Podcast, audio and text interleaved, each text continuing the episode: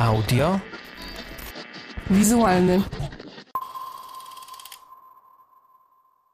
Dzień dobry lub dobry wieczór, tu Karol Szafraniec, jestem kulturoznawcą, filmoznawcą, edukatorem filmowym, a także prowadzę właśnie podcast audiowizualny, który jest o szeroko rozumianej kulturze audiowizualnej, ale przede wszystkim o kinie, choć wcale nie tylko, bo czasami wędruję tutaj w inne rejony i tak będzie tym razem. Tym razem zajmiemy się komiksem i nie tylko komiksem, bo zajmiemy się przede wszystkim bohaterem, który na kartach komiksu rozpoczął swoje życie, a potem stał się bardzo ważnym ważną częścią współczesnej kultury, e, więc audiowizualność w bardzo szerokim rozumieniu i będziemy tutaj zahaczać też o mityczność, o e, psychologię i o tym, jaką rolę w naszym życiu spełniają superbohaterowie, a zwłaszcza Batman, bo to jemu poświęcone będzie to spotkanie i to spotkanie jest e, z gościem, z gościem, który o Batmanie bardzo, bardzo wiele wie i właśnie napisał o nim książkę. Zapraszam do posłuchania. Zaczynamy nasze e, spotkanie w audiowizualnym, a moim gościem jest e, Michał Hudoliński, e, znawca komiksów, krytyk filmowy i autor książki Mroczny rycerz Gotham, szkice z kultury popularnej. To jest książka, która wyszła całkiem niedawno, nie tak może jest bardzo świeża, ale Michał cały czas jeszcze o niej opowiada i cały czas warto ją zdobyć i warto ją przeczytać. Książka jest oczywiście o Batmanie i w bardzo szeroki sposób sposób Batmana opisuje, niezwykle kompleksowy i wydaje mi się bardzo ciekawy. E, to, co jest jej wielką zaletą e, z mojej perspektywy, to e, fakt, że ona bardzo właśnie w sposób złożony opisuje Batmana i od różnych stron podchodzi do Batmana i chyba w ogóle do zjawiska superbohatera komiksowego i jaką ten superbohater może pełnić rolę w społeczeństwie, a zarazem jest to książka bardzo przejrzysta i ją się po prostu dobrze czyta. Więc myślę, że takie połączenie jest bardzo godne E, polecenia, a ponieważ w książce jest i o komiksach, i o filmach o Batmanie, e, to postanowiłem Michała zaprosić, bo e, to jest ciekawy temat także do audiowizualnego. W końcu audiowizualne nie tylko jest o kinie, ale w ogóle o mediach, w których i audialność, i wizualność się pojawia. I tutaj jesteśmy na przecięciu komiksu i kina. Dzień dobry, Michale. Dzień dobry, cieszę się, że mogę być tutaj z Wami. E, chciałem Cię zapytać, e, mówiąc o Twojej książce najpierw, bo zacznijmy o, o, od niej i od tego, co mm, w tej książce e, się znajduje. O paru rzeczach powiemy, resztę mam nadzieję słuchacze sobie doczytają, jeśli się zainteresują tą książką.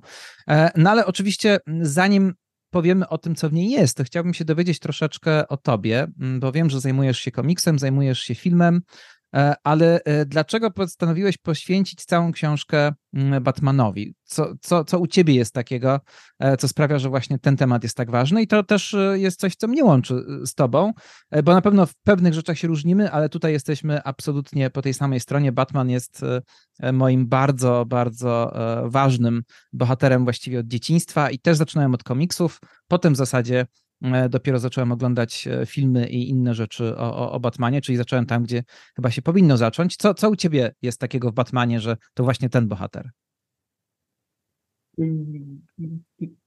Dzień dobry. To przede wszystkim e, ważny jest ten kontekst końcówki lat 80., początku lat 90., bo w sensie E, takim filmowym i komiksowym, to był przełomowy czas w ogóle dla postaci Batmana. On był e, w przeróżny sposób rekonstruowany i też te filmy Bertona sprawiły, że e, można było inaczej postrzegać tego bohatera. E, dla mnie ta postać jest fascynująca e, z wielu e, jakby ujęć. Oczywiście jest to ujęcie psychologiczne, ale również takie społeczne, socjologiczne, bo te komiksy, o ile są dobrze napisane, i jak i filmy, i animacje, mówią trochę o tym, jak funkcjonuje współczesne społeczeństwa, a już na pewno e, społeczeństwo amerykańskie, które opiera się na różnego rodzaju e, sferach tabu i tego, co komu wolno, zwłaszcza pod względem rasy. i też niektóre z komiksów o Batmanie zadają takie dość ważne pytania, zwłaszcza te y, z drugiej połowy lat 80., jak chociażby Powrót Mrocznego Rycerza, czy Zabójczy Żart, czy y, Azyl Arkham. One są po dziś dzień no, jakoś nieśmiertelne, bo mm, wychodzą poza ramy tych opowieści, które możemy czytać w Detective Comics czy y, w Batmanie, czyli tych y, najdłużej wydawanych y, miesięcznikach. Mm, no i tak, no to też jest kwestia mm, czasu, że no, jestem dzieckiem roku 88 i jak dorastałem, to po prostu Y, Batman mocno funkcjonował na początku lat 90., a to ten Semik, a to y, telewizja polska przecież emitowała y, tą kultową kreskówkę o Batmanie, którą można oglądać obecnie na Netflixie. Ona później była pokazywana na Polsacie i tam tak. też poznawałem Batman Beyond. Pierwszym filmem o Batmanie, który obejrzałem w kinie tak naprawdę, to był Batman Forever w 95 roku.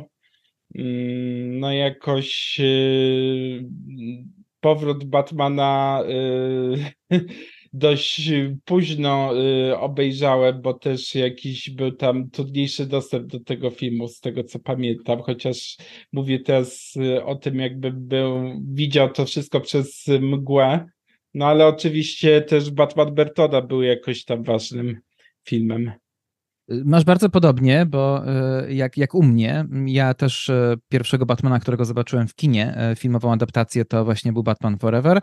Powrót Batmana i chyba, chyba bardzo lubimy obaj ten film, jeszcze o nim później troszkę powiemy. Zobaczyłem w telewizji dopiero, jakieś, jakieś wiele lat później, chyba dopiero w drugiej połowie zdecydowanie lat 90. E, te kreskówki również miały i dla mnie znaczenie, ale czy pamiętasz e, swój pierwszy komiks o Batmanie? To był, prawdopodobnie to był TM Semik właśnie, czy pamiętasz, który to był, która to była historia?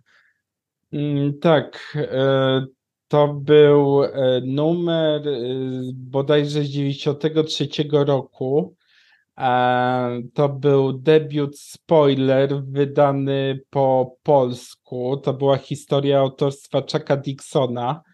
Ona miała taką specyficzną okładkę Mata Wagnera e, z Batmanem i Robinem w takiej dynamicznej pozie latających nad e, Gotham. Mm, teraz dokładnie nie podam numeru mhm. E, tego zeszytu, ale y, no, no pamiętam, pamiętam tą grafikę, w ogóle Matt Wagner, zwłaszcza ten wczesny, y, jego interpretacja wizualna Batmana bardzo mi odpowiada. Jestem ogólnie ogromnym fanem takiej historii twarze, faces. Nawet mhm. profesor Piotr Kletowski y, mówił o tym, że jest to odwołanie do filmu Twarze, nawet y, w kwestiach motywów, tematów, bo y, to jest historia o Two-Face'ie i ogólnie o tym, że chce stworzyć taki azyl dla mm, pokręconych ludzi, takich y, nieprzystających do społeczeństwa i ogólnie to była taka jakaś taka ogromna krytyka też y, operacji plastycznych i ogólnie ideału piękna we współczesności. E, więc y, no, no pamiętam tę okładkę i no, nie mogłem wyjść z podziwu. Y, ogólnie uwielbiam Mata Wagnera, to jest świetny twórca i tak w sumie trochę smutno mi patrzeć, jak próbuje bezskutecznie przenieść Gredela, czyli swoje największe dzieło na streaming. Próbował to zrobić z Netflixem, się nie udało. No, trzymam kciuki, żeby wyszło. Oby, oby, oby się u, u, udało. E, jeśli chodzi o mm, postać Batmana, to już trochę wiemy, co tobie się w tej postaci e, spodobało, ale spróbujmy spojrzeć szerzej. Co w Batmanie jest takiego, co w ogóle przyciąga ludzi do niego? Poza tym, co już mówiłeś, bo e, to jest postać, która teraz żyjemy w takim świecie, gdzie już mnóstwo bohaterów komiksowych ma swoje filmy, ale mam wrażenie, że przez długi czas komiksy były traktowane po macoszemu, nie doczeki długo nie mogło się doczekać e, jakichś takich dobrych e, adaptacji swoich przygód. I mam wrażenie, że przez e, sporo lat Batman był wyjątkiem. Batman był taką postacią, która w momencie, kiedy już zaczęto go traktować poważnie, właśnie pojawiły się filmy Bertona, o których mówiliśmy. Potem oczywiście nastawienie do Batmana się zmieniało. Joel Schumacher trochę do tego inaczej podchodził, ale i kreskówki. I potem kolejne filmy. Potem oczywiście Christopher Nolan. E, miało się wrażenie, że Batman przez jakiś czas jest traktowany inaczej, bardziej właśnie poważnie niż pozostali bohaterowie. I więc chciałem Cię zapytać, co Ty uważasz, że mm, w ogóle w tej postaci przyciąga i czy zgodzisz się trochę z moim odbiorem? Bo ja pamiętam, e, moim pierwszym spotkaniem z superbohaterami był Superman i kreskówka, i komiks też TM Semik 92 jeszcze chyba bodajże. E, I Superman był e, jasny, niebiesko-czerwony, mm, i e, to było wszystko takie bardzo oczywiste, że to jest dobry bohater w dobrych kolorach. Natomiast Batman miał w sobie zawsze coś niepokojącego, bo dla mnie ciekawe było w Batmanie to, że to był dobry bohater, który wygląda i ma taki anturaż jak z horroru, jakby był złym bohaterem. I w tym się kryje jakaś taka podwójność. Czy myślisz, że ona ma tutaj znaczenie? Dualizm jest fundamentalny dla postaci Batmana i on trochę e, opiera się na takich e, chwiejnych psychologicznych e, fundamentach. I to mi się wydaje fascynujące, bo nie wiem, czy się ze mną zgodzisz, czy nie, ale trochę w bicie Batmana widać te wpływy bohatera bajronicznego, i takiego bitu prometejskiego rozumianego w ten sposób, że no, młody Bruce Wayne y, dość szybko przekonuje się y, o bezwzględności świata mhm. i, i mm, przyrzekając na grobie swoich rodziców, że wypleni zbrodnie i że E, nie dopuści do tego, będzie się starał ze wszystkich sił, żeby żadne dziecko nie cierpiało tak jak on. E, tak naprawdę mm, no y, raz, że nakłada na siebie pewne kajdany, próbując walczyć z jakimś złem, a z drugiej strony on Mm, tak naprawdę y, przez większość tych komiksów, czy to w latach 90., czy to na początku lat 2000, on się tak szamoczy ze sobą, że tak naprawdę jego ograniczenia związane z tym, że jest człowiekiem, mm, no, czynią y, taki średni, mizerny efekt. Mhm. Co, co jest Y, również no, jakby błogosławieństwem dla nas czytelników, bo to jest fascynująca historia, ale dla niego klątwą, bo no, nie realizuje się w tym, co robi totalnie. A też ten motyw tego, że ym,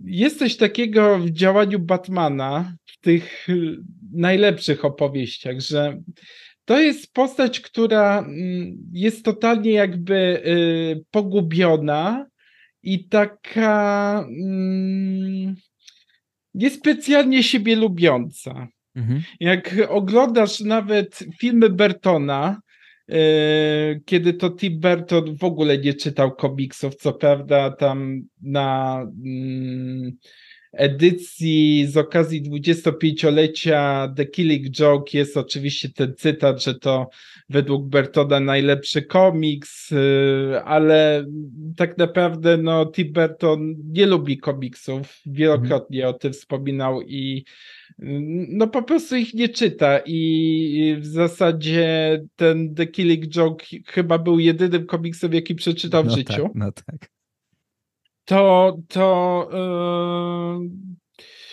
to w tych opowieściach po prostu. Mm, no, no Batman po prostu y, y, no niespecjalnie siebie lubi i wydaje mi się to niezwykle y, ludzkim jakby elementem. To najdobitniej widać w powrocie Batmana, moim zdaniem, który jest bardzo niedoceniony, któremu po prostu przyprawiono gębę w związku z tymi zarzutami wytoczonymi przez firmę McDonald's w 1992 roku. No.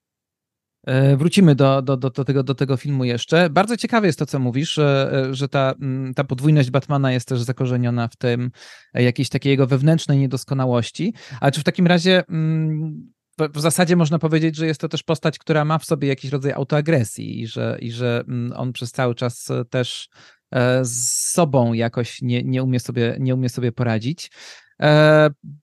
Batman się zmieniał przez lata. Piszesz o tym, no, o tym w książce. Ona się zaczyna od tego, że jest troszkę takim historycznym rysem. E, y, bardzo zachęcam do tego, żeby e, przeczytać o początkach, bo e, Batman się kojarzy z nazwiskiem Boba Kane'a. E, ty tutaj bardzo jednoznacznie mm, piszesz o e, Billu Fingerze też, e, który pewnie w środowisku komiksów jest postacią rozpoznawalną, ale poza już nie do końca. I tam jest fascynująca historia o tym, że ten przemysł bardzo bezwzględny komiksowy w przypadku Batmana już od początku krzywdził niektórych twórców i inni sobie przywłaszczali pewne rzeczy. Potem piszesz troszkę o tym, jak Batman miał różne etapy, cały zresztą e, superbohaterski świat miał różne etapy, miał też taki etap powiedz, powiedzmy mało poważny, aż w pewnym momencie i na tym skupiasz się przede wszystkim, bo skupiasz się na Batmanie rozumianym właśnie e, bardzo poważnie, gdzie popkultura i superbohaterski mit może się stać czymś więcej, ale jak myślisz, kiedy jakbyś mógł tak pokrótce powiedzieć, co sprawiło, że Batman zaczął poważnieć? W jakim to było mniej więcej okresie i jacy autorzy się do tego najbardziej przyczynili? Pierwszym takim autorem, który pogłębił mit Batmana w moim odczuciu, y, jest pisarz, scenarzysta Denis O'Neill. Y, on y, rozpoczął swoją przygodę z Batmanem w latach 70. Stworzył kultowe zeszyty wraz z Neilem Adamsem. E, to był jeden no, z najwybitniejszych jak dotąd e, scenarzystów DC Comics. On zaczynał w dziennikarstwie i był związany z e, tymi nastrojami z rewolucji kulturowej końcówki lat 60. był zagorzałym hipisem, ale to on z racji swojej jakiejś takiej intelektualnej natury, bo czytał dużo Susan Zondak i też yy, uwielbiał jej e, esej e, o kampie, który niejako wynikał z pewnego kultowego serialu telewizyjnego o Batmanie z lat 60. i tam yy, yy, to, to właśnie O'Neill wykorzystywał e, te wszystkie jakby najnowsze intelektualne prody, żeby jakoś to skonfrontować właśnie z mitem superbohatera. I e, w Batmanie wyglądało to tak, że mm, odwoływał się do klasyki horroru, czyli na przykład do Lovecrafta. Przecież Azel Arkham jest ogromnym nawiązaniem do horrorów. Sama nazwa Arkham, prawda? Ona jest zakorzeniona w Lovecraftie. Tak. E, to jest jakby zasługa O'Neilla. E, jego również zasługą jest to, że pojawiły się w Batmanie odwołania do e, podań japońskich z Dalekiego Wschodu, związanych z nietoperzem i że w zasadzie w trakcie tego etapu nauki, podróżowania młodego Bruce'a Wayne'a, e, te podróże do e, Tybetu czy do Japonii były bardzo kluczowe. E, nie tylko w sensie takim, że on uczył się sztuk walki, ale również tego wschodniego myślenia. To też dawało różnego rodzaju kontrast jakiś taki kulturowy. jeżeli kogoś to interesuje, to polecam taką historię Szaman, napisaną przez De Deniego Nila. To, to jest pierwsze pięć zeszytów e, pierwszego woluminu serii Legends of the Dark Knight i właśnie tam są te odwołania, ten taki kontrast pomiędzy myśleniem zachodnim a wschodnim. E, no i y, O'Neill, y, i tutaj jest jego najważniejsza rola, otrzymał rolę redaktora y, tytułów o Batmanie, rozpoczynając od 1986 roku. I to on zaprosił i nadzorował Alana Mura i Briana Bolanda, żeby stworzyli zabójczy żart to on niejako również po części nadzorował Azylem Arkham, chociaż to głównie była inicjatywa Karen Berger, pomysłodawczyni y, Vertigo Comics i gdyby nie Azyl Arkham, to w ogóle nie, nie można by było mówić o komiksach Vertigo, y, takimi jakie poznaliśmy na początku mm -hmm, lat 90. Mm no i e, w Wonilu jest fascynujące to, że od 86 roku do 2001, kiedy już musiał odejść e, z roli redaktora z powodów problemów zdrowotnych, on tam miał zawał serca, e, to właśnie w tym przedziale on sobie postawił za cel stworzenie takiego jednorodnego y, uniwersum Batmana, w którym jest ta y, przyczynowość, gdzie jest ten ciąg przyczynowo-skutkowy. I po prostu y, te wszystkie sagi Nightfall, Legacy, Zaraza czy Ziemia Niczyja, która niebawem wyjdzie po polsku, tworzą jakby jedną spójną narrację z racji tego, że on nad tym wszystkim czuwał.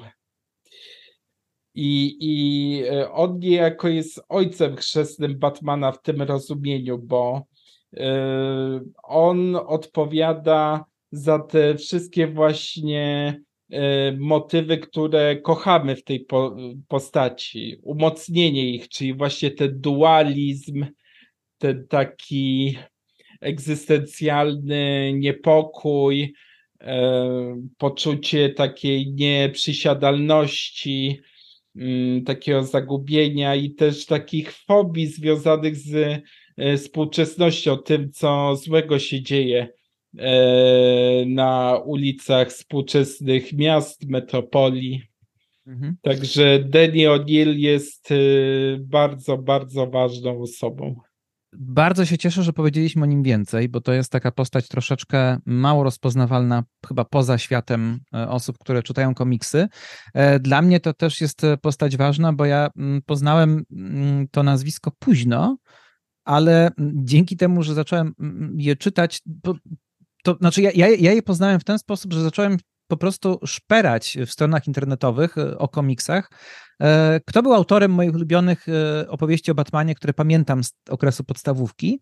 E, I okazało się, że dużą część z nich stworzył właśnie Denis O'Neill. Wtedy zacząłem odkrywać tę postać. Nie wiem, czy ty się spotkałeś z takim albumem, który wyszedł chyba w latach 90. albo na początku, w latach 90. na pewno, w Polsce, gdzie były takie opowie część opowieści o Batmanie jeszcze z drugiej połowy lat 70., w tym były opowieści właśnie. Przysięga Zagrobu. Tak, dokładnie tak, tak. I to było czarno-białe w ogóle. Tak tak. I to mi, mi się to szalenie podobało wtedy. To było e, takie, takie, takie bardzo ciekawe m, mm, zebranie tych, tych opowieści i, i, i zacząłem odkrywać, że to właśnie e, za dużą część z nich jest Denis O'Neill odpowiedzialny, więc to bardzo, bardzo ważna postać i, i tak jak mówisz, bez niego nie byłoby dalszych e, opowieści tak rozumianego Batmana. I co ciekawe jeszcze... Przepraszam, no. że ci przerwę, ale właśnie chyba w Przysiędze Zagrobu jest ta historia o ofierze z obozów koncentracyjnych, tak, tak. to właśnie jest kosiarzem i ona niejako e,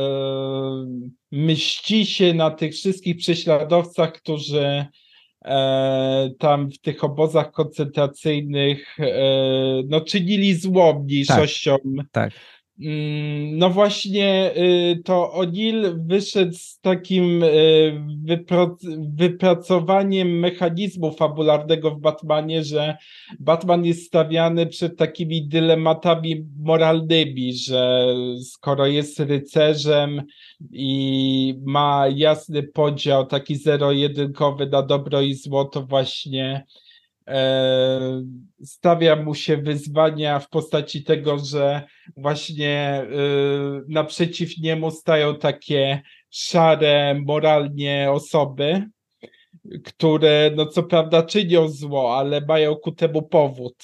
Mm-hmm, I Batman jest stawiany wtedy w takiej postawie no, e, myśliciela, który zastanawia się nad tym, jak funkcjonuje ten świat, to po, pokutowało bardzo mocno y, w tych komiksach y, z końcówki lat 80. i 90., gdzie y, w komiksach Alada Granta chociażby y, dużo było tych kwestii e, cywilizacyjnych, czy to związanych ze śmieciami, czy e, traktowaniem tradycji. Mówię tutaj o historii aborygen e, mhm. rysowanej przez Norma Brayfogla. E, ale tak, e, Przysięga Zagrobu i ta opowieść o kosiarzu to był jeden z przykładów takiej pierwszej rasowej historii o, o Batmanie, gdzie on staje przed takimi dylematami i mm, takimi kwestiami, które trudno jednoznacznie ocenić. Mhm. I tam się też pojawiał e, w tych historiach, które były właśnie w tym, w tym e, tomie, też pojawiały się wątki społeczne. Pamiętam, że tam jakby było widać, że, że niektóre opowieści są umiejscowione w kontekście wiem, biedy, niepełnosprawności. Gdzieś było jakieś takie połączenie między tą mityczną rzeczywistością superbohaterską i prawdziwym światem.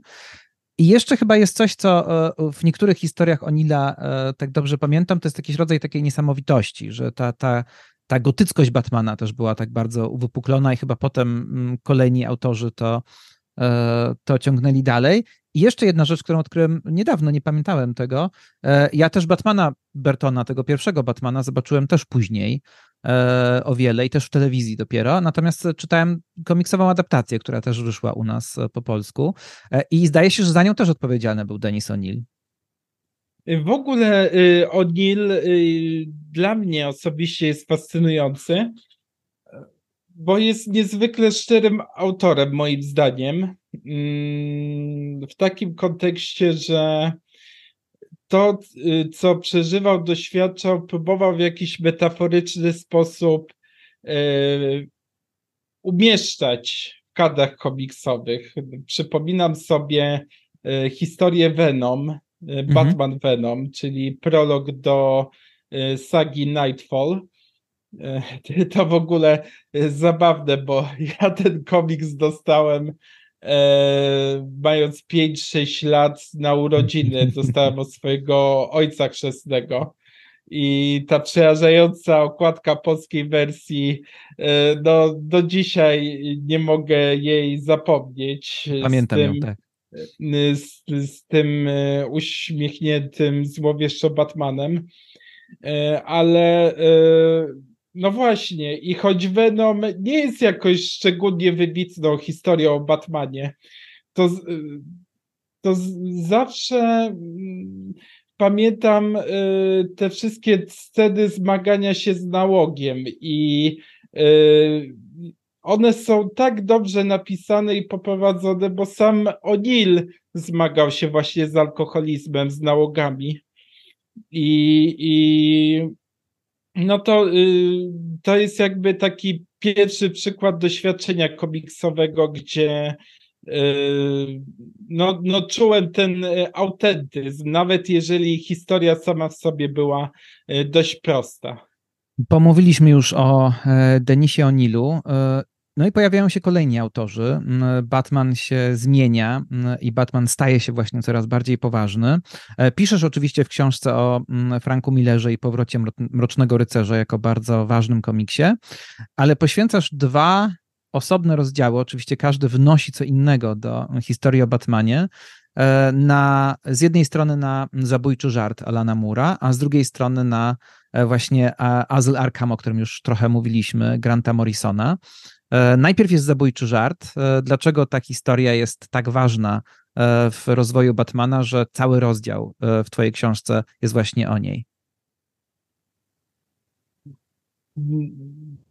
Zabójczy żart nigdy nie mógłby powstać, gdyby nie powrót Mrocznego Rycerza. To znaczy, e, o ile Denny O'Neill stworzył ten cały kontekst i atmosferę i motywy, to tak naprawdę Frank Miller mm, wykorzystał te wszelkie motywy, żeby stworzyć planszę e, stanowiącą e, no, taką kluczową E, kluczowy taki punkt podparcia dla tamtejszych i obecnych twórców parających się historiami o Batmanie. I w powrocie Mrocznego Rycerza właśnie mamy starcie Batmana z Jokerem, które dla Alana Bura było zbyt jednoznaczne, zbyt e, zero-jedynkowe, takie czarno-białe. I podszedł do tego tak, jak są zarysowane ogólnie konflikty w literaturze. Kiedyś trafiłem na takiego mema w internecie e, z podziałem konfliktów w literaturze na e, klasyczne, E, modernistyczne i postmodernistyczne. I jeżeli uznamy, że w powrocie Mrocznego Rycerza mamy e, ten konflikt e, człowieka kontra społeczeństwo i człowieka kontra technologię, bo Batman tam walczy z standardami ogłupionego przez telewizję społeczeństwa Y, to w zasadzie zabójczy żart stanowi opozycję do tego. Y, pokazuje dwóch ludzi spiętych y, spiralą przemocy. Mało tego, ci ludzie jakoś są w konflikcie sami ze sobą, że czują tą nieprzesiadalność no i w końcu y, mamy y, ten konflikt człowieka kontra rzeczywistość, który jest y, ukazany w Jokerze, w Jokerze znajdującym się w komiksie Zabójczy Żart. Teraz się nie odnoszę do Jokera w reżyserii Toda Phillipsa. Mm -hmm. e, a no i no ten komiks jest ważny, bo ustawia takie motywy filozoficzne dla komiksów o Batmanie, bo mamy ten egzystencjalny sens i nihilistyczny bezsens, które są w konflikcie przemocy, która jakoś jest obowiązującym prawem we współczesnych społeczeństwach. I, i myślę, że dlatego ten komiks jest ponadczasowy. Ja, jak o nim teraz y, myślę, to patrzę na niego jako taką dysputę o zasadności kary śmierci, bo w zasadzie e, ten komiks próbuje wytłumaczyć y, to, dlaczego y, Batman nie zabija swoich oponentów, ale Y, też y, stara się przekonać nas, czytelników, że pomimo tych wszelkich zbrodni, których dokonuje Joker, no właśnie, czy należy mu odebrać życie, czy nie. I ta y, ostatnia strona komiksu y, jest właśnie tak zaprojektowana, żeby nam pozostawić odpowiedź na to pytanie i stanowi według mnie jedno z szczytowych osiągnięć nie tylko sztuki komiksowej, ale w ogóle sztuki współczesnej. Tak, tak, bardzo taki niezwykły mm, ten ostatni kadr. E, zawieszenie, a jednocześnie czujemy jakby mm, brak wyjścia z tej sytuacji, w której, w której mm, oni obaj się znaleźli. No Alan Moore to oczywiście w ogóle mm, bardzo ważna postać i też człowiek, o którym pewnie można by osobno kiedyś odcinek nagrać, bardzo inspirujący i też bardzo krytyczny wobec superbohaterskich mitów, mimo że sam je w jakiś sposób rozwijał. No to już wiemy o E, o tym e, komiksie. E, więcej oczywiście w Twojej książce na ten temat, ale mamy też osobny rozdział i on, on jest też ważny, bo mm, bardzo mocno wprowadza kwestie psychologiczne do Twojej książki, czyli rozdział o azylu Arkham. Tu mamy z kolei bardzo ciekawych twórców, bo z jednej strony mm, to jest oczywiście E, człowiek, który jest odpowiedzialny za stronę wizualną, czyli Dave McKean. E, pewnie ci, którzy widzieli okładki Sandmana, znają go stąd najbardziej, a e, cały komiks trochę tak wygląda jak te okładki i pod względem wizualnym to jest jedna z takich, dla mnie była, kiedy to pierwszy raz zetknąłem się z Azylem Arkham, to było coś bardzo niezwykłego.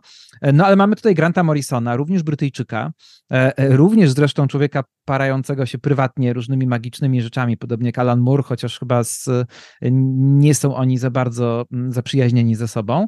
E, no ale właśnie, co takiego jest w Azylu Arkham, w tym bardzo niezwykłym psychodelicznym komiksie, że nie tylko on, on jest jako osobny rozdział w twojej książce i tak bardzo e, przyglądasz się temu komiksowi, ale wydaje mi się, że on też wprowadza właściwie wszystkie najważniejsze tematy, które pojawiają się w drugiej części książki.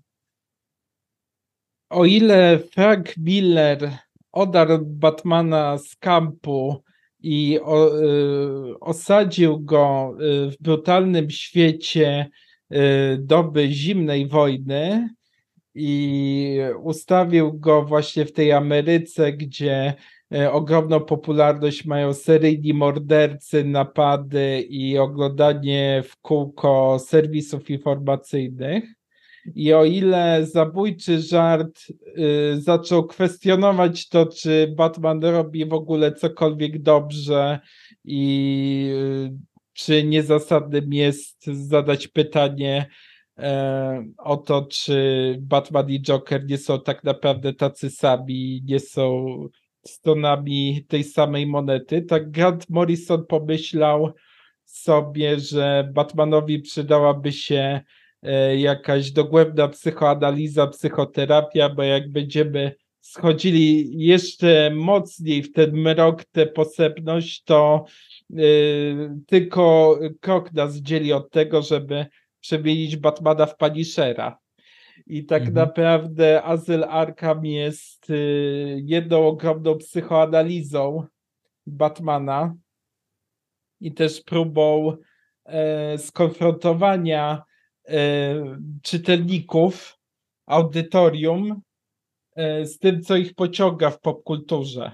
I mhm. idąc tym tokiem rozumowania konfliktów w literaturze, to właśnie mamy tutaj e, konflikt człowieka, w tym wypadku Batmana, nie tyle z Bogiem, co z autorem, czyli tym, który projektuje te powieści o Batmanie. Ja tylko przypomnę, że to jest historia o tym, jak y, Batman wkracza do azylu Arkham i e, uczestniczy w rytuale, którego sam do końca nie rozumie.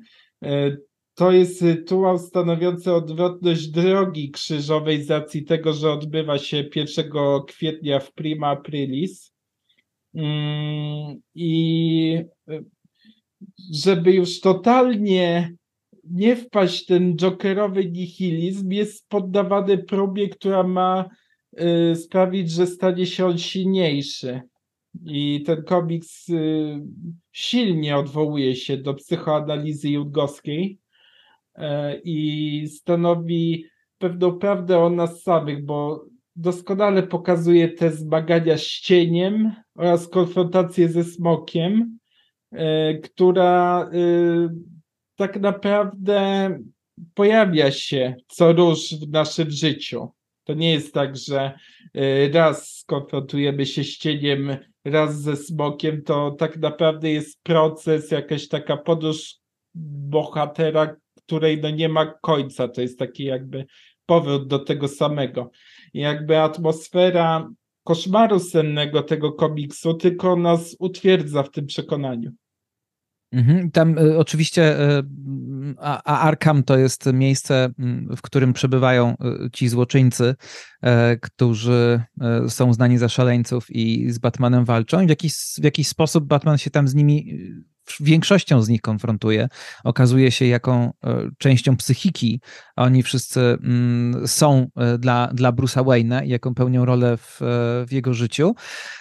E, wychodząc od e, azylu Arkham, e, dużą część książki poświęcasz psychologii. I mm, z jednej strony piszesz bardzo, bardzo ciekawie o tym, jak popkultura była przez długi czas traktowana jako coś takiego, co jest po prostu eskapistyczną zabawą, E, faceci w trykotach sobie mm, coś robią i nie ma się tym co bardziej przejmować. Potem coraz bardziej zaczęło się zmieniać to podejście i tak jak już mówimy tu od e, samego początku, zmieniało się też, jeśli chodzi o podejście autorów do bohaterów komiksowych. E, natomiast mm, piszesz, trochę łączysz w tej drugiej części wątki mityczne, jakąś taką mitologiczną funkcję, jaką popkultura i superbohaterowie pełnią, z wątkiem właśnie psychologii. Bardzo dużo tej psychologii poświęca piszesz, e, piszesz o e, psychologii dewiacji e, i też o tym, że mm, poprzez azyl i potem przez inne rzeczy, do których się odwołujesz, można zauważyć w takiej postaci jak w Batmanie rodzaj czy, czy można poprzez niego stworzyć coś w rodzaju takiej zbiorowej psychoterapii? Dlaczego taki, takie właśnie ujęcie cię tak szczególnie pociągnęło i na ile twoim zdaniem to faktycznie jest możliwe? Powiem szczerze, że czuję się trochę jak e, te podekscytowane e, dziewczyny, które wychodzą z filmu Barbie, mhm. E, które to no bo nie ukrywajmy, ten film był niesamowicie ogromnym sukcesem, ale y, dlatego stał się takim ogromnym sukcesem, bo odwoływał się do pewnej y, kolektywnej świadomości, którą stworzył przemysł zabawkarski, który to wytworzył pewien model kobiety i tego, jak ona ma funkcjonować. I y, odwołując się do tego toku myślenia, można podobnie myśleć o Batmanie, to znaczy to jest pewne wyobrażenie męskości podyktowanej tragedią i też y, taki sposób y, myślenia o mężczyźnie zaproponowany przez korporacje medialno-rozrywkowe, co ten mężczyzna może dokonać, zrobić, nie zważając właśnie na te e, tragedie, na te doświadczenia. Mm, no i to jest właśnie ciekawe pytanie. E, czy my wymyśliliśmy trochę te jakby wartości, te przekonania, które wynieśliśmy z naszych doświadczeń życiowych, czy one zostały nam jakby podyktowane e, w tej fazie dziecięcej, kiedy bawiliśmy się tymi zabawkami, oglądaliśmy te kreskówki, to nie jest do końca moim zdaniem e, łatwe pytanie do odpowiedzenia. Mm -hmm. No i myśląc w ten sposób, e, ogromny sukces Batmana Bertona i Batman The Animated Series, no moim zdaniem wpłynął w ogromny sposób na y, tamtejsze pokolenie popkultury i to jak y, ona myśli o pewnych tematach, moim zdaniem. I też te filmy dokumentalne ukazujące Amerykanów którzy sprawują zawody pożytku publicznego, jak pielęgniarka, lekarz, e, policjant i motywują to tym, że właśnie oglądali Batman The Animated Series na przykład. Mm -hmm. To myślę, e- że tutaj jest coś na rzeczy. Tylko yy, yy, ile dobrego wynosimy z tych mitów serwowanych przez korporacje, a ile też złego, bo no właśnie z Batmanem problem jest taki, że jego motywacje nie do końca są e, szlachetne. E, mhm. I też niektóre z tych historii stawiają go w takim dość kontrowersyjnym świetle. Już nawet nie mówię o azylu Arkham czy zabójczym żarcie, ale na przykład o historii kult czy Nightfall. Nightfall to jest y, ogromna saga o przepracowanym człowieku, który już w pewnym momencie nie daje rady. Mhm.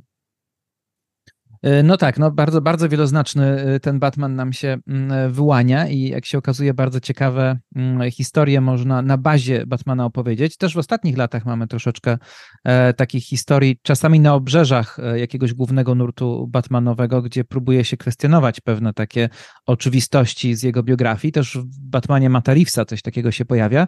Do tego filmu zaraz dojdziemy, ale przejdźmy właśnie powiedzieliśmy o tych najważniejszych zmianach, które były w e, komiksach i e, o tych najważniejszych tytułach, e, które bardzo ciekawie analizujesz w książce.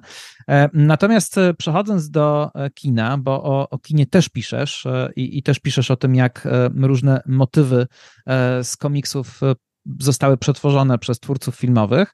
Mm, o Nolanie napisano już bardzo, bardzo wiele i też mimo wszystko nasz odcinek ma ograniczony mm, czas, żeby e, jeszcze coś zostało też dla mm, słuchaczy, żeby sobie sami pogrzebali, więc myślę, że troszkę Nolana tutaj będziemy mniej e, o nim mówić, ale chciałbym wrócić do Tima Burtona, e, bo obydwaj bardzo lubimy jego filmy, obydwaj chyba zwłaszcza lubimy Powrót Batmana. Ja uważam, gdybym ja musiał wybierać prywatnie, to to jest mój ulubiony film aktorski o e, Batmanie.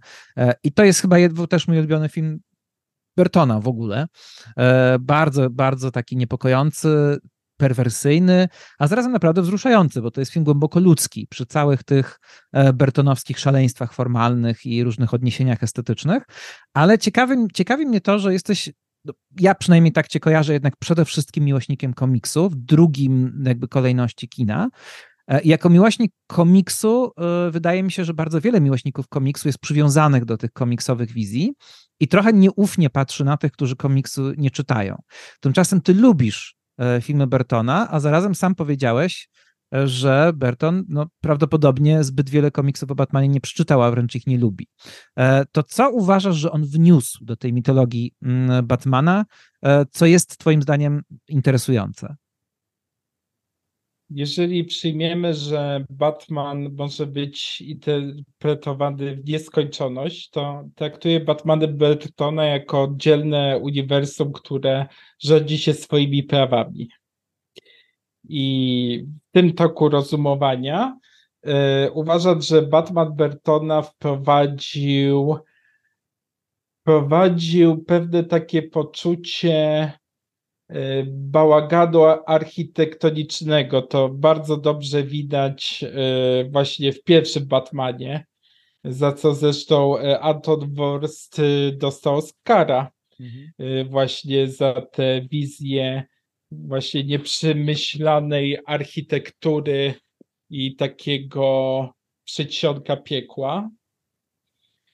W powrocie Batmana to funkcjonuje trochę e, w inny sposób, bo e, nie wiem, czy się zgodzić ze mną, czy nie, ale tam odczuwam e, takie ogromne poczucie klaustrofobii, tego, że te przestrzenie nie są przemyślane w sensie takim funkcjonalnym, że sprawiają takie poczucie labiryntu, tak, tak. w którym łatwo się zgubić i też on tak wprawia w taki dyskomfort. Mm -hmm, Myślę, że tak, tak, że jak najbardziej tak jest. A, a, a, a no, no też Berton y, myślę, że uwypuklił to, y, co chciał przedstawić y, Alan Moore i Grant Morrison E, właśnie w kolejno w zabójczym żarcie azylu Arkham, ale nie jest to tak hermetycznie podane, tylko bardzo jest to inkluzywne, czyli wpływ psychoanalizy na mity o Batmanie. I to dobitnie widać w powrocie Batmana, gdzie po prostu te manifestacje zwierzęce po prostu wpływają na poszczególnych bohaterów i też e, zadane jest pytanie w tym filmie, na ile to, z czym się utożsamiamy, przejmuje nad nami kontrolę. na ile my jesteśmy w tym e, prawdziwi i autentyczni. I myślę, że to dobitnie pokazał Bertolt, zwłaszcza właśnie w powrocie Batmana. Mhm, czyli takie totemiczne zwierzę e, przejmuje kontrolę nad nami w pewnym momencie.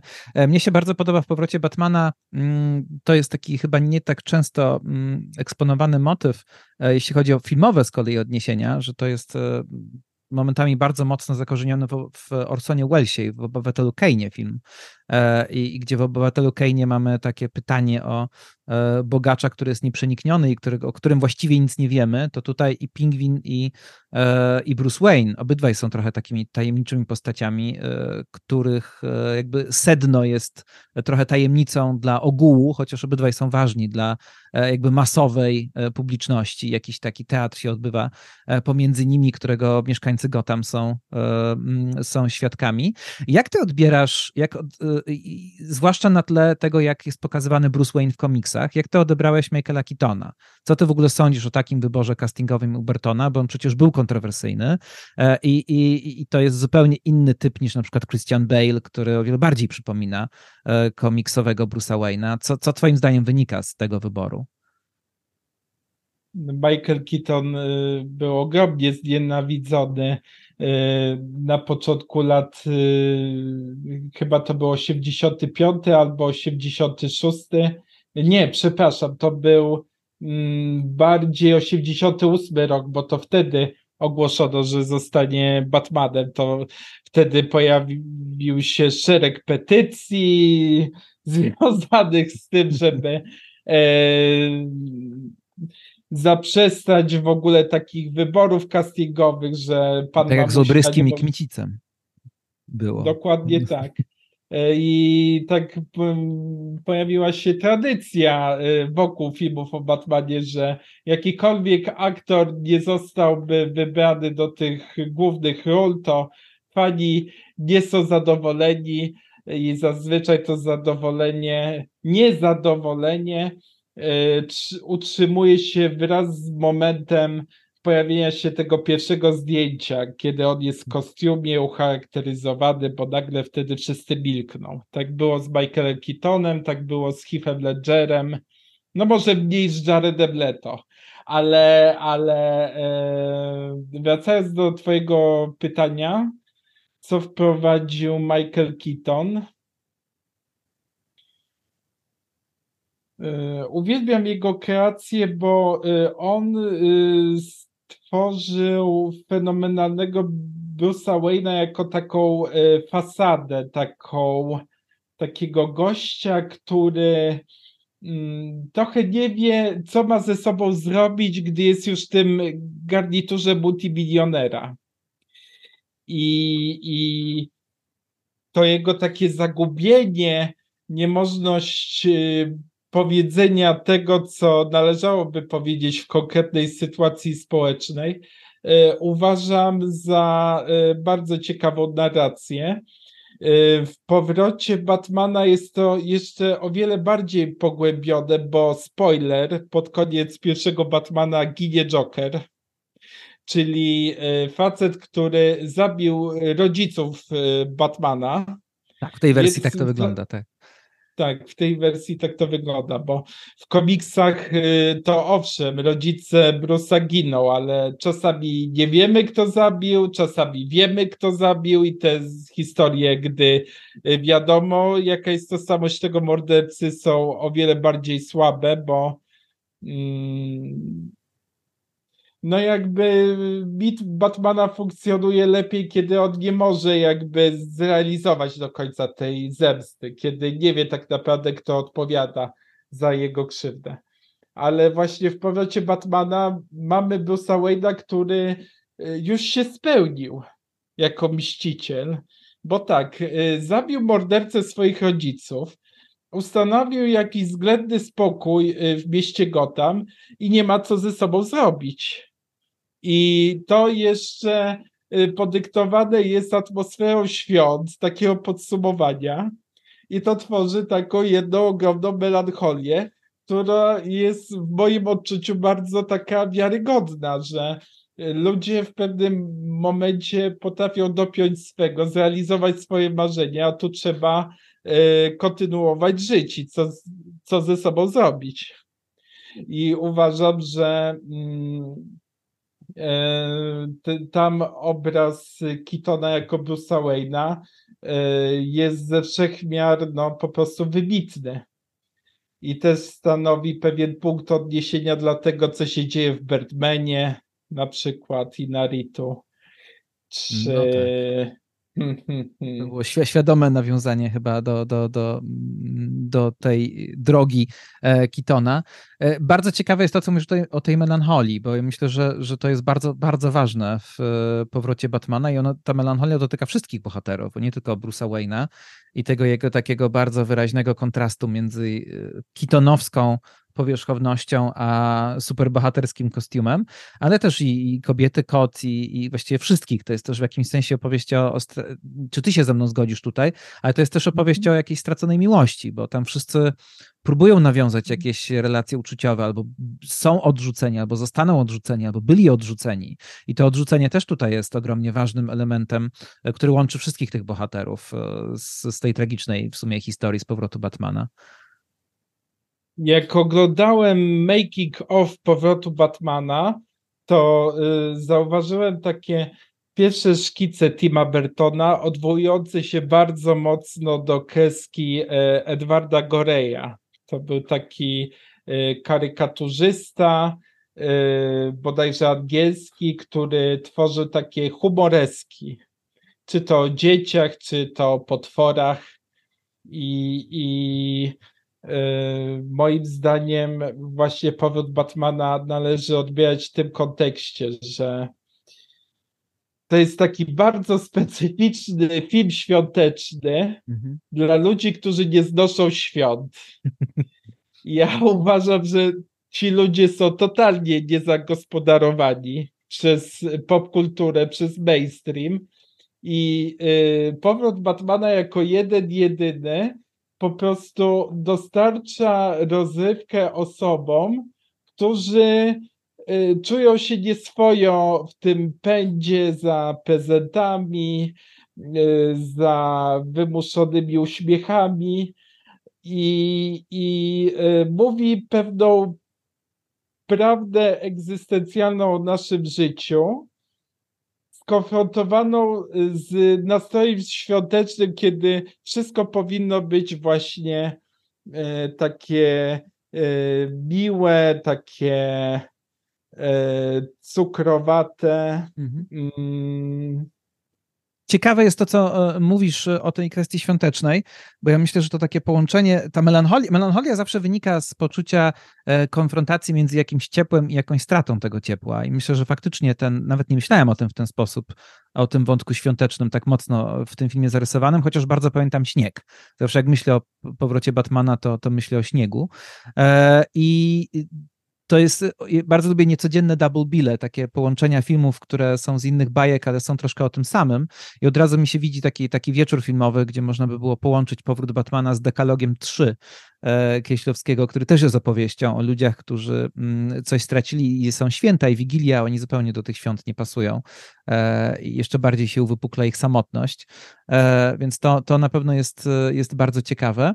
Myślę, że y, głęboka ludzkość y, tego filmu y, polega na tym, że jest jakaś taka próba pogodzenia się z bezwzględnością tego świata, bo zauważ, że w tym filmie e, zarówno Batman, Catwoman i Pigwin są ukazani jako takie dziwadła względem prawdziwych złoli tego filmu, jakim jest bezmyślny burmistrz, który myśli tylko o tym, jak się tutaj pokazać i bezwzględnego przedsiębiorcy, jakim jest Max Schreck, to zresztą jest od, nawiązanie do kina niemieckiego ekspresjonizmu. E, I który myśli tylko o tym, jak tutaj pomnożyć swoje zyski i y, truć no, mieszkańców Gotham. I, i mm, z jednej strony to trochę się pogubił w tej wizji, bo trochę y, jest zbyt mocno naznaczony ten styl nad substancją tego filmu, że to jest wszystko takie zrobione na Goreja, ale też z drugiej strony no, fajnie politycznie jest ustawiony powrót Batmana. I myślę, że to jest totalnie niedocenione.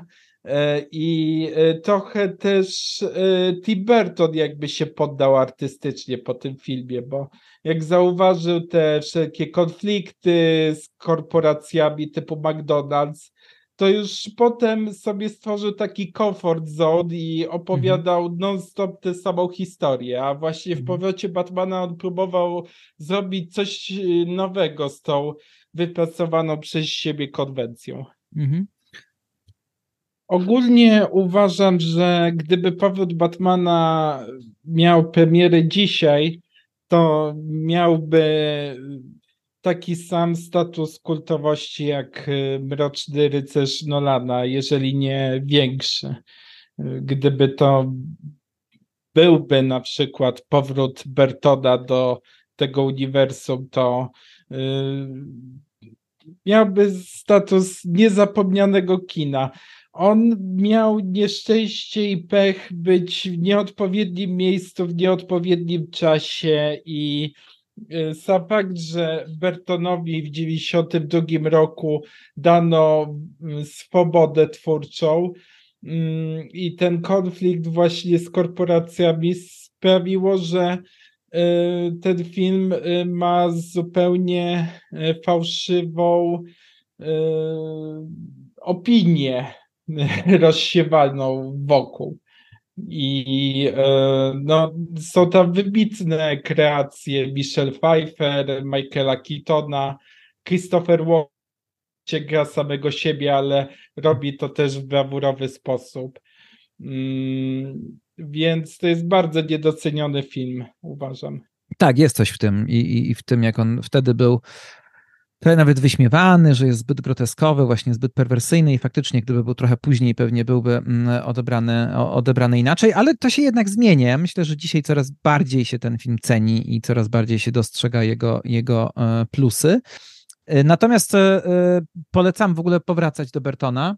Natomiast już powoli zbliżając się do końca, chciałem Cię mhm. zapytać o nową wersję Batmana, o Mata Reevesa. Jak Ty oceniasz tego Batmana, e, który ma twarz e, Pattinsona.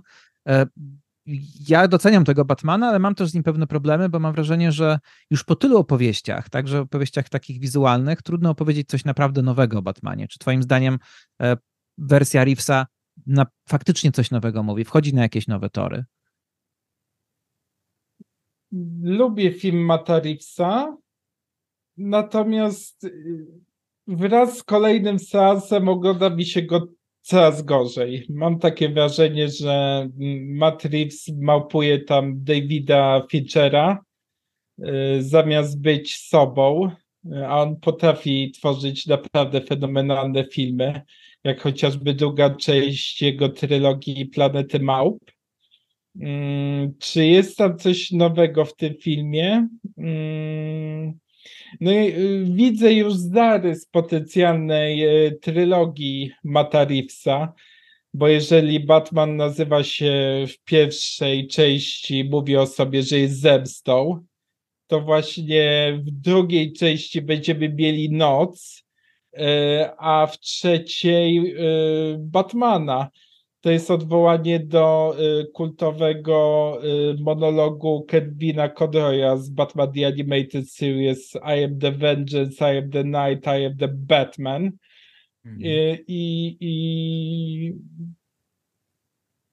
no cóż, no trochę mi szkoda tego reżysera, bo E, a to pandemia, bo krzyżuje szyki, a to strajk scenarzystów. No teraz się skończył, co prawda, i mają być wznowione prace nad drugą częścią Batmana y, w lutym bodajże przyszłego roku.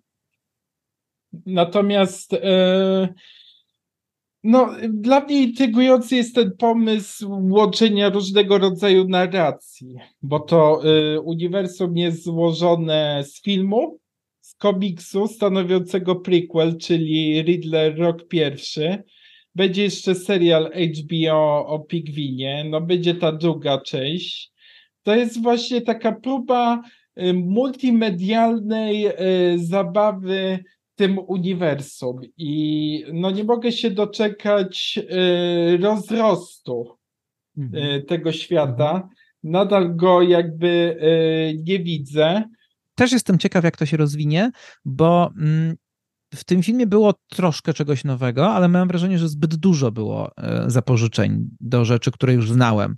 E, Reeves trochę stworzył taki kolaż motywów i z gier o Batmanie, e, i z, z, właśnie z Finchera, tak jak mówiłeś, i z kilku komiksów, do których jeszcze wcześniej nie nawiązywano, ale cały czas mam wrażenie, że o ile u Bertona i o Nolana można nie lubić ich wizji, można się nie zgadzać ani z Nolanem, ani z Bertonem, ale oni wnieśli coś naprawdę własnego. Coś takiego, czego nie było w tekstach o Batmanie wcześniej. A mam wrażenie, że Reeves trochę tworzy taki kolaż, ale jest jakiś potencjał dla mnie w tej postaci e, Pattinsona, że to jest troszkę młodszy Batman.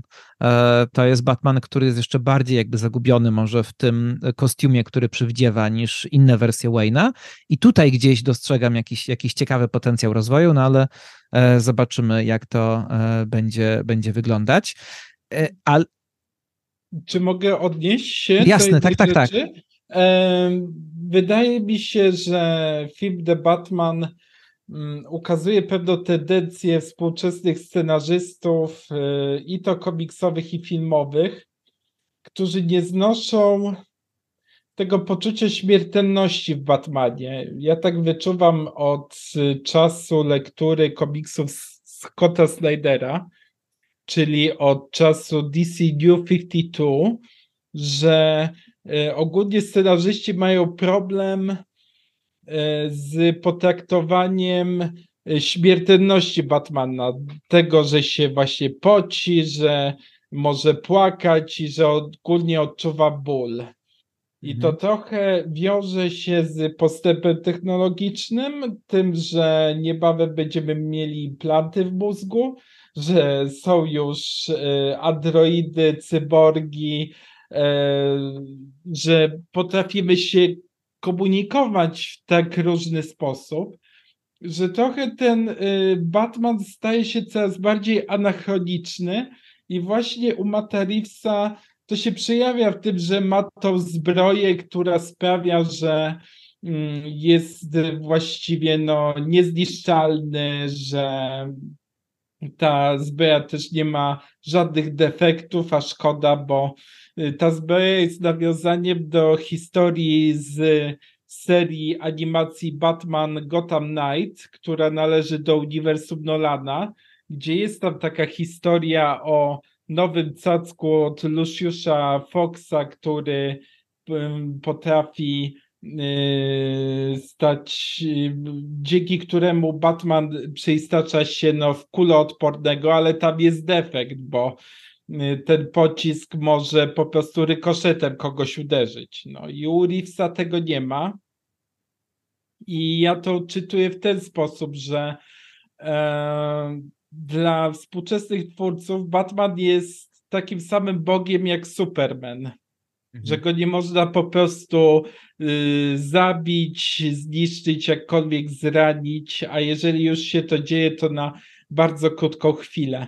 I, I uważam, że to jest ogromny problem. Już Frank Miller, jak próbował z Darenem Aranowskim robić Mrocznego Rycerza, to powiedział, że jeżeli ktoś chce stworzyć bardzo dobry film o Batmanie, to najlepiej, żeby był minimalny budżet, żeby pokazać, że za tą maską jest człowiek, który stęka, który się boi tak naprawdę i e, który też krwawi. I uważam, że no właśnie taki Batman jest najlepszy, który no, ukazuje swoje człowieczeństwo w ten sposób i to jest ogromna bolączka współczesnych komiksów o Batmanie. Też bardzo ciekawy wątek e, te, te, tego unikania fizyczności. No zobaczymy, jak to będzie się rozwijać e, w tych dalszych produkcjach. E, jest olbrzymi potencjał i są też pewne obawy. Ale wspominasz, co jakiś czas powracamy do tematu animacji, że te animacje, zwłaszcza mm, Batman The Animated Series, to było coś jednak bardzo niezwykłego mm, w telewizji i to też to, trochę jak w ogóle mówimy o pokoleniowym doświadczeniu. Ty wspominałeś o tym, jak dostałeś Batman Venom i byłeś e, młodym bardzo e, chłopcem, a, a, a coś takiego ci dano. U mnie to podobnie wyglądało też z komiksami, bo, bo dorośli wokół mnie zupełnie nie rozumieli, na czym polega specyfika komiksów i że komiksy są dla różnej publiczności, więc jakby jako dziecko mogłem czytać wszystko po prostu, co, co w zasadzie nawet dorosłe bardzo komiksy były w bibliotece dla dzieci i tego nikt za bardzo nie kontrolował. Ale dla mnie też takim mm, momentem był Torgal. Ja akurat właśnie jako chyba sześciolatek dostałem komiks o Torgalu i, i też byłem no, zafascynowany, a jednocześnie to było coś, co zupełnie pewnie sześciolatek dostać nie powinien. I myślę, że to było jakoś pokoleniowe w, w, wśród osób urodzonych w drugiej połowie lat 80., ale też to zetknięcie się właśnie z kreskówką, z kreskówką o Batmanie, którą dwójka puszczała w godzinach, kiedy się puszcza rzeczy dla dzieci, a tam naprawdę były mm, rzeczy e, bardzo mroczne czasami i, i e, bliskie już właśnie komiksom, a nie takiej uładzonej wersji kreskówkowej superbohaterów. E, I z tego serialu też wyłania się film Mask of Phantasm, który jest trochę pomijany, bo najczęściej, kiedy mówimy o filmie, filmach o Batmanie, to mówimy o filmach aktorskich, a wiem, że ty jesteś wielkim fanem tego filmu i powiedz czemu. To jest jedyny film animowany, który pojawił się w amerykańskich kinach. Owszem, on pojawił się na bardzo krótko, e, gdzieś w okolicach e, świąt 93 roku. I e, jego fiasko było związane z tym, że Warner chciał zrobić z tego pełnometrażowy film animowany, ale tak naprawdę potem trzeba było ciąć koszty. Marketingowcy nie wiedzieli, jak podejść do tego filmu, i w zasadzie on zyskał y, wymiar kultowości, jak pojawił się VHS, a potem DVD. No teraz możemy oglądać ten film w 4K y, od kilku tygodni. Jest yy, fenomenalna wersja na Blu-rayu. Ją gorąco polecam. No ze wszech miar y, pod względem fabularnym, no jest to wybitny film yy, w uniwersum Batmana, który y, bardzo ciekawie podchodzi mm, do scen i motywów które widzimy w komiksie Batman Rok pierwszy Franka Millera i Davida Mezukeliego. E, no i y, to też jest wspaniała opozycja do cukierkowatości produkcji Disneya, bo y, w sumie y, Mask of the Fantasy jest taką smutną historią o utraconej miłości, próbie jej wskrzeszenia, ale która okazuje się być niepowodzeniem i e, trochę też takim jarzmem, z którym trzeba żyć. Mm, wspominałeś wcześniej w naszej rozmowie o obywatelu Kane'ie. Uważam, że Mask of the Phantasm narracyjnie jest mocno przesiąknięty tym filmem. No ja uwielbiam te animacje z powodu sceny szpitalnej. Uważam, że y, to jest najlepsza scena, jaka pojawiła się kiedykolwiek w filmie o Batmanie, bo po prostu jest tak wzorcowo zagrana i ten Kevin Conroy jest tam tak przerażający i też wynik tej sceny jest y, no taki mocno duarowy, e, taki ryczą.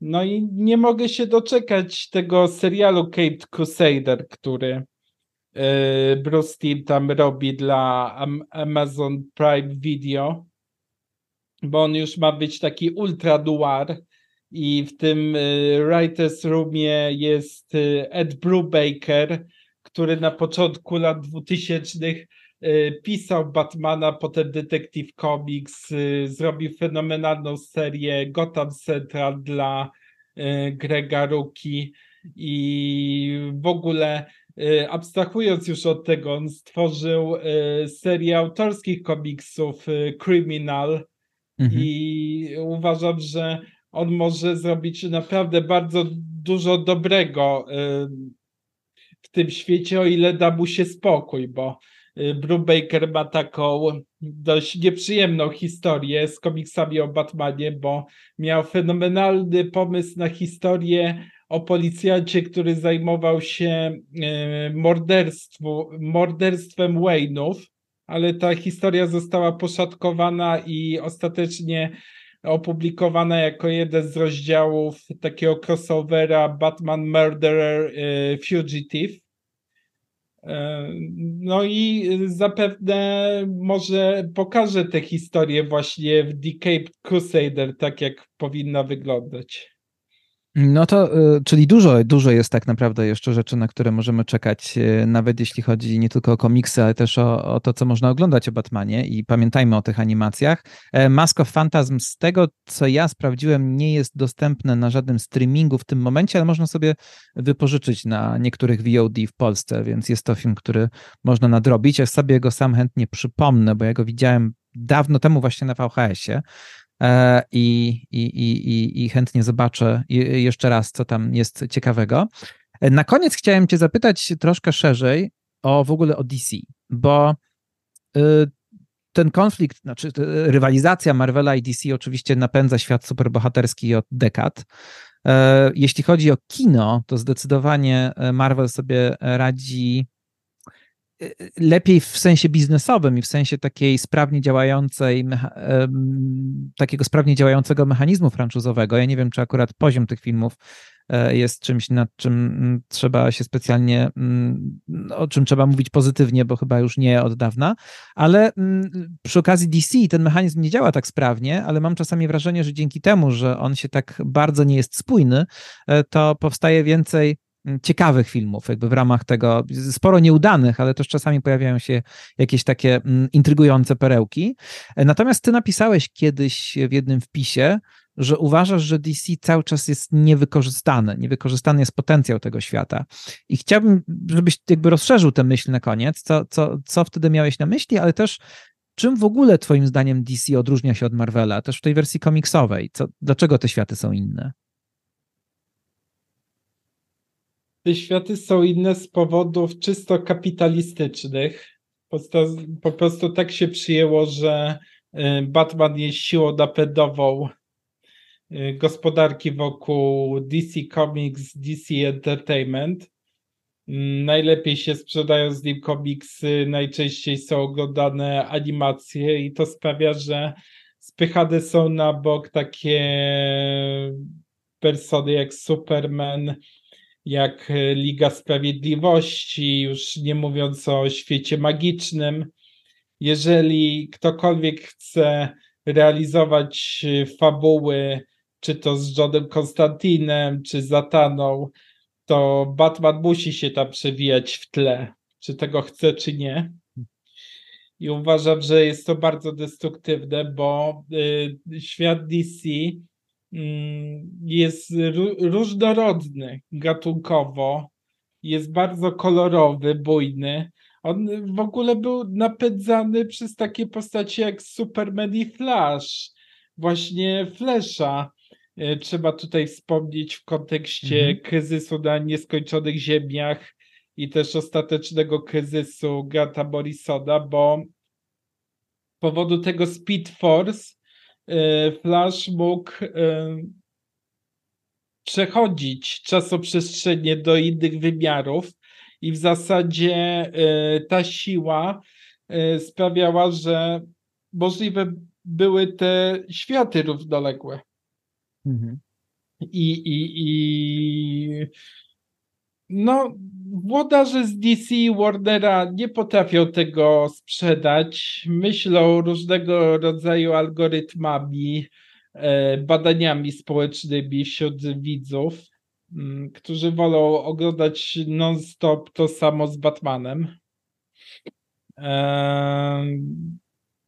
No, teraz z tego co wiem, DC próbuje sprzedawać różnego rodzaju licencje nawet y, postaci mm, innym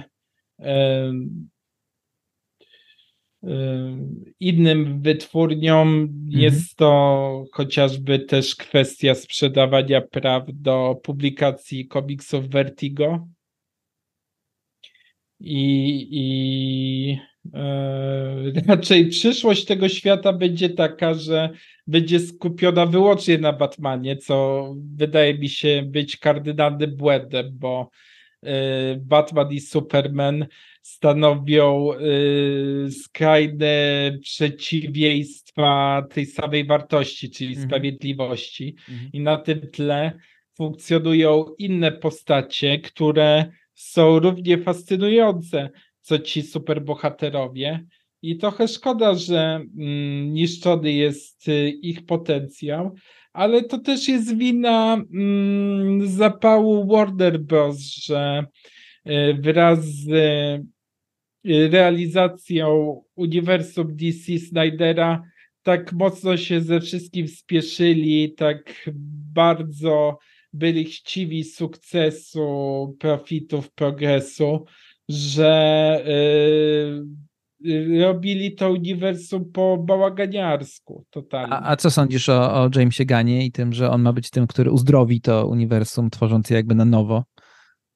Mm, trudno mi cokolwiek powiedzieć, bo po owocach go poznamy. Yy, Gunn stworzył bardzo dobrą trylogię Strażników Galaktyki, ale no, mało osób zwraca uwagę na to, że jego Suicide Squad chociaż zbierał pochlebne recenzje, może nie jakoś super y, zadowalające, ale no dobre, to jednak nie był takim sukcesem w box office i trochę trudno jest mu powtórzyć ten sukces właśnie z The Guardians of the Galaxy. Bo mhm. y, James Gunn y, w zasadzie jest wielbiony za to, że zrobił coś niemożliwego, to znaczy odpicował trzecioligowe postacie z Marvela i sprawił, że to są już superbohaterowie pierwszej ligi. Mhm. I, i, I teraz wszyscy oczekują od niego, że zrobi to samo z DC Comics.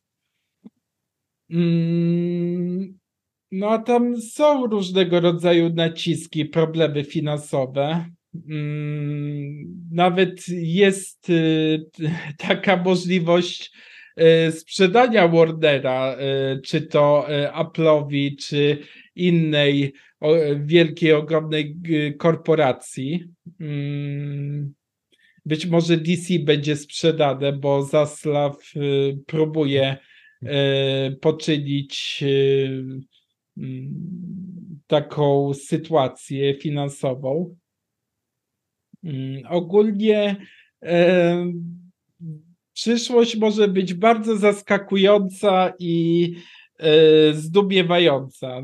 Czy to chodzi o DC, czy Marvela, nawet słyszałem, że całe cały Disney ma pójść w ręce Apple'a z powodu y, problemów z spłacaniem e, kredytów związanych z e, przejęciem własności intelektualnych Foxa. Tak, że, tak. Chodzą że... takie opowieści, tak. E, no, no, chyba jesteśmy w takim momencie przejściowym trochę. Te, te wielkie korporacje mają potężne problemy. Blockbustery w tym roku były wielkimi, w większości oczywiście, poza, poza zwłaszcza dwoma, ale, ale reszta to były w większości wielkie klapy. Nawet Mission Impossible na rynku domowym, czyli na rynku amerykańskim był klapą.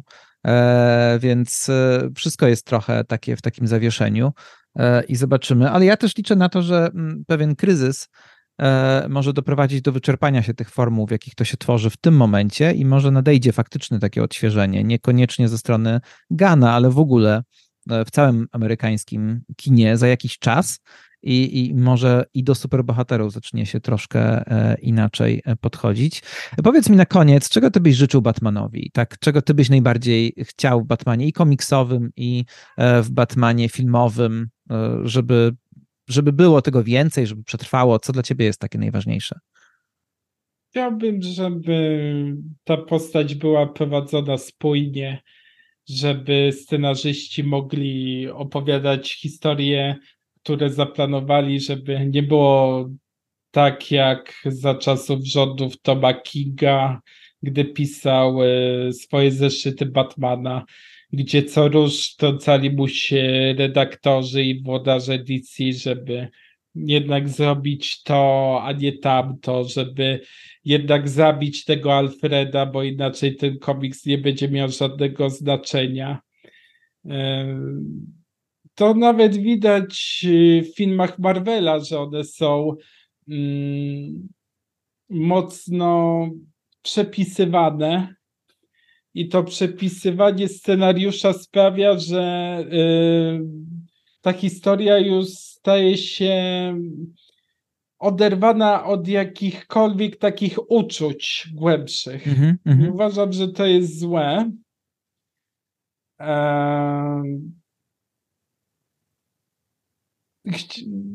Powiem tak, y, wyda się to mocno sadystyczne, ale ja najbardziej lubię Batmana jak cierpi. Hmm. I wydaje mi się, że y, w tym objawia się y, najdobitniej jego człowieczeństwo. I, i, i wyczekuję takiego powrotu Batmana, który no jest y, do szpiku kości człowiekiem, gdzie ja nie odczuwam tego aspektu technologii, wspomagania mhm. takiego cyberpunkowego, mhm. bo to go dziera y, z takiej właśnie bajroniczności, tego takiego mhm. poczucia, że on niby walczy ze złem, ale tak naprawdę jak się przyjrzymy, przyjrzymy tego, tego jej, jego to tak naprawdę walczy ze złem samym sobie. Mm -hmm. I to jest jakby ogromna ironia losu tej postaci, że, że, że on trochę jest pochłaniany przez to zło i że tak naprawdę ta rodzina, którą wytworzył wokół, sprawia, że on totalnie nie spadł w tę otchłań. I, I no nie można zapomnieć o tym, bo jakby to jest serce tej opowieści, że y, człowiek y, wytwarzając misję przyciąga do siebie osoby, które widzą w tym wartość i te osoby dają mu to, czego tak naprawdę poszukiwał przez całe życie. Nawet mhm. jeżeli on nie do końca potrafi to zauważyć, docenić. Mhm.